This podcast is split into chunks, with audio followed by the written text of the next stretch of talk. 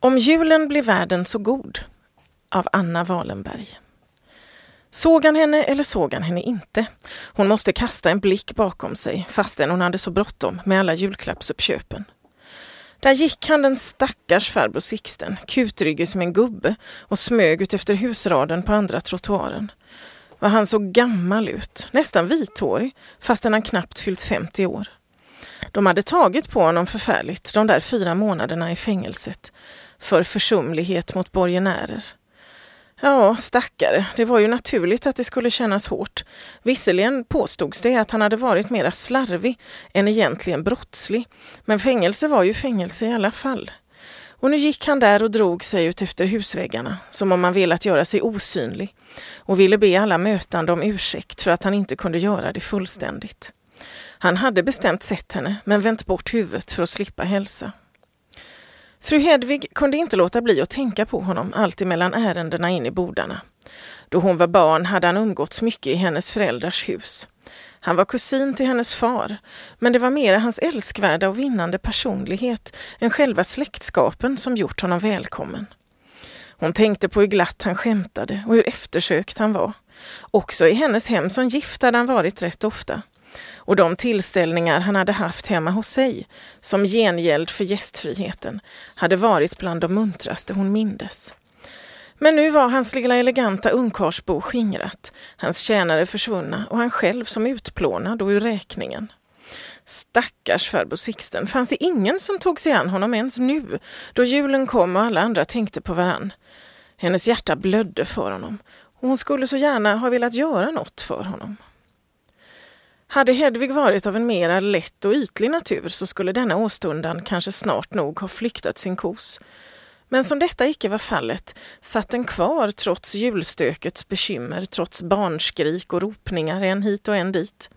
Och försvann den då och då just vid lämpliga tillfällen då hon tänkt anförtro den åt sin man, så kom den likväl igen. Och ett par dagar före jul, när herrn och frun sutto i lugn och ro vid sin trevliga lilla supé, dök den upp på nytt och blev lyssnaren delgiven mellan kotletten och teet. Tycker du inte, Karl, sa hon, att vi skulle kunna bjuda hit honom på julafton? Vem vet om han annars får någon julgröt? Karl åt några ögonblick utan att svara. Det är väl inte sagt att alla är så förtjusta i gröt, sa han slutligen. Jaså, du vill inte? Fy, jag trodde verkligen att du hade mera hjärta än så. Han kan väl komma någon annan gång vet jag. Julafton är vår egen dag. Bjud, bjud honom på vår stora nyårsmiddag istället. Hedvig satt tyst. Skulle det vara trevligt att ha honom med på middagen? Skulle inte folk undra och viska? Och vem skulle man ge honom till dam utan att stöta för huvudet? För farbror Sixtens skull ville hon likväl inte ens för sin man framställa dessa frågor, utan började däremot framhålla att eftersom julafton var familjens dag så vore det synnerligen hedrande och vänligt mot farbror Sixten att bjuda honom just då och så medels visa honom att man räknade honom till familjen. Men eh, tror du inte det skulle vara ännu mer ärande för honom att bli räknad till våra hedersgäster? frågade Karl med en hastig och skarp blick.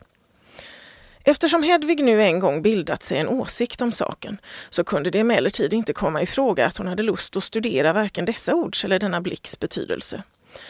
Och som hon var ett fruntimmer med ganska utvecklade talgåvor dröjde inte heller så synnerligen länge innan hon förmått sin man till medgivandet att det kunde vara möjligt att det var hon som hade rätt och att det kanske var just på julafton och ingen annan dag som farbror Sixten borde bjudas. Följande morgon hade hon redan gjort sig underrättad om var han bodde och för att inte få ett avslag på sin välmenta bjudning beslöt hon fram på middagen att själv gå och framföra den.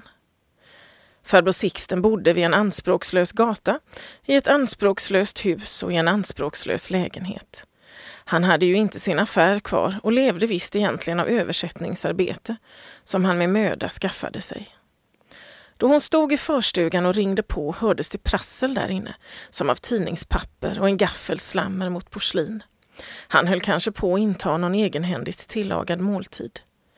Slutligen öppnades dörren, men endast helt lite, och i springan tittade det välkända ansiktet ut med ett misstroget uttryck. Så fort han såg vem det var klarnade det dock genast upp. Nej, se lilla Hedvig, är det du? Vänta lite. Dörren drogs till igen och nytt prassel och slammer och så öppnades det åter. Där stod farbror Sixten i bonjour med bländvit krage och fräsch halsduk och förde henne in i ett enkelt möblerat rum, var i vissa små prydnader likväl vittnade om en förfinad smak. Och hade där rått någon oordning så var nu varje spår därav undanröjt. Han hjälpte henne att knäppa upp kappan och placerade henne i den bästa stolen, allt under det han pratade på sitt gamla artiga och världsvana sätt. Det var en helt annan farbror Sixten än den hon sett böjd och skygg smyga gatan framåt. Hon visste inte varför, men det kändes lite svårt att komma fram med bjudningen och hon önskade att hon hade varit hos honom någon gång under hösten, så hade det kanske gått lättare. Efter att ha framburit en hel mängd skäl varför hon icke förrän nu kommit på visit började hon likväl nalka sitt ämne och ryckte äntligen fram i frågan om han inte ville komma hem till dem i jul. I jul? Hans blick får upp och sen förbi henne på ett undvikande men ännu forskande sätt och han själv hade sjunkit ihop med huvudet mellan axlarna. Det var åter mannen som smög ut med husväggarna. Men endast för ett ögonblick. I det nästa hade han rätat upp sig och satt och betraktade henne med ett svagt leende i munvinklarna. I jul, upprepade han långsamt. Tack, eh, men då vet jag inte om jag kan. Jag är så upptagen. Åh, inte arbetar väl farbror så mycket under helgen? Leendet blev något tydligare. Nej, sa han, jag menade inte det. Jag menade att jag är så mycket bortbjuden just då. Hedvig teg. Hon kände att hon växlade färg. Låt se, fortsatte farbror Sixten. På annan dag är jag bortbjuden på fyra ställen. Till Östbergs, Asplings, Dr. Anderssons och Victoria Lundström.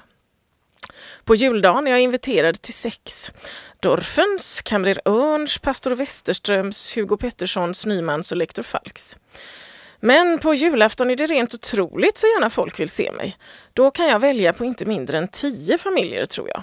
Vi ska räkna på fingrarna.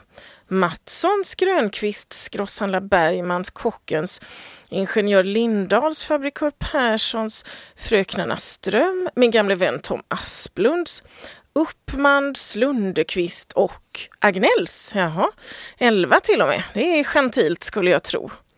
Ja, medgav Hedvig, nästan förintad.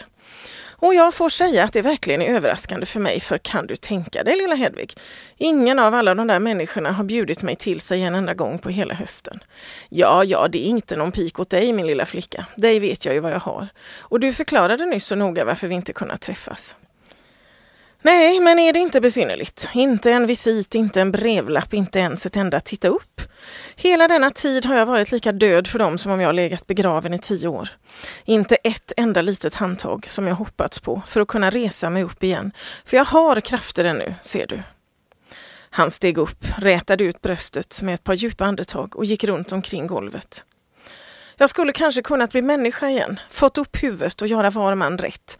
Men ett handtag behövde jag, ett litet stöd, bara ett lillfinger. Nå, det kom inte. Men nu är det inte lustigt, nu regnar det vänlighet och älskvärdhet över mig. Jag är välkommen vart som helst för att se på hur lyckliga människor är hemma hos sig. Hur den förtjusta herrn ger lilla frun sidentyg och juveler och hur lilla frun ger sin älskade man tofflor och nattrockar. Och hur de små söta rara barnen dansar och hoppar och klappar om sin mamma och pappa. Ja, ja, ta inte åt dig Hedvig lilla, jag talar ju inte om dig. Han gick och småmyste och stack fingrarna genom sitt tunna gråsprängda hår. Och förresten kunde det nog hända att jag fick någonting med. En cigarrlåda eller ett cigarrmunstycke kanske. För man vill ju inte att någon ska vara ledsen på julafton. Fridens och glädjens heliga dag. Så du ser lilla Hedvig att jag åtminstone en gång om året inte är bortklämd.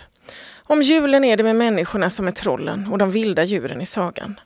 De blir milda och tama som lamm och vill ingen levande varelse något ont, utan invitera vem som helst och kalasa vid deras bord och vara glad och lycklig. Den svartaste gamla procentarsjäl bjuder till att tvätta sig ren vid den tiden och sträcker fram silkestassar. Åh, herregud, om jorden ändå finge förgås på en julafton, då skulle alla bli saliga, ty då skulle det inte finnas annat än goda människor. Farbror Sixten gick ännu några varv omkring golvet, men satte sig så ner på sin förra plats mitt framför Hedvig. Därpå strök han till sitt upprufsade hår, for ett tag med handen över pannan och så var varje spår till sinnesrörelse försvunnet. Han var åter den glada, förbindliga farbror Sixten med det skämtsamma, behärskade sättet. Nu skulle Hedvig se på hans lilla bostad och han visade utsikten från fönstret och gobelängbitarna på väggen och porträtt och souvenirer av gemensamma bekanta. Hedvig, eh, som inte haft många ord att säga efter att hon hade blivit avbruten i framförandet av sin bjudning, återvann så småningom sin talförhet och pratade helt muntert en god stund, tills hon slutligen kom och se på klockan och fann att hon glömt sig kvar alldeles otillbörligt länge för att ha gjort en julvisit. Och ändå har jag ju ännu inte hunnit att ordentligt komma fram med mitt ärende, sa hon. Vill farbror verkligen inte komma till oss i jul? Jag menar verkligen inte varken julafton eller juldagen eller annandagen. Julen räcker ju ända till 20 Knut. Vi har en liten middag nyårsdagen för en del av våra vänner och hade tänkt fråga om inte farbror Sixten ville komma då. Och farbror får inte säga nej, för jag har räknat på farbror som min kavaljer. Det lilla talet flöt ledigt och brådskande då hon väl kommit igång, men nu var det farbror Sixten som stod tyst. Jaså, nyårsdagen, sa han slutligen helt kort. Enda tecknet att han inte var oberörd av den omformulerade invitationen var att handen, som han stödde mot stolskarmen, darrade till en smula. Kommer farbror då? Ja, tack, då har jag inte ett förhinder. Han hjälpte henne att knäppa kappan, borstade hennes muff som blivit våt av snön och pratade hela tiden om det ena och än det andra. Det var inte alls som om hon varit ute i ett välgörenhetsärende. Allt var precis som förr då hon brukade springa upp till den oumbärlige farbror Sixten och hälsa från pappa och mamma och be honom till middagen och nästan tog det som en nåd om han ville komma. Men då hon stod i dörren och gav honom sin hand kramade han den hårt och länge. Tack min lilla tös, sa han. Tack för du kom och tack för att du inte bad mig till julafton. Hon nickade hastigt och sprang ner för trappan, ty återigen kände hon hur det brände om kinderna och hur rodnaden spred sig över hela hennes ansikte. Han fick inte se hur hon skämdes.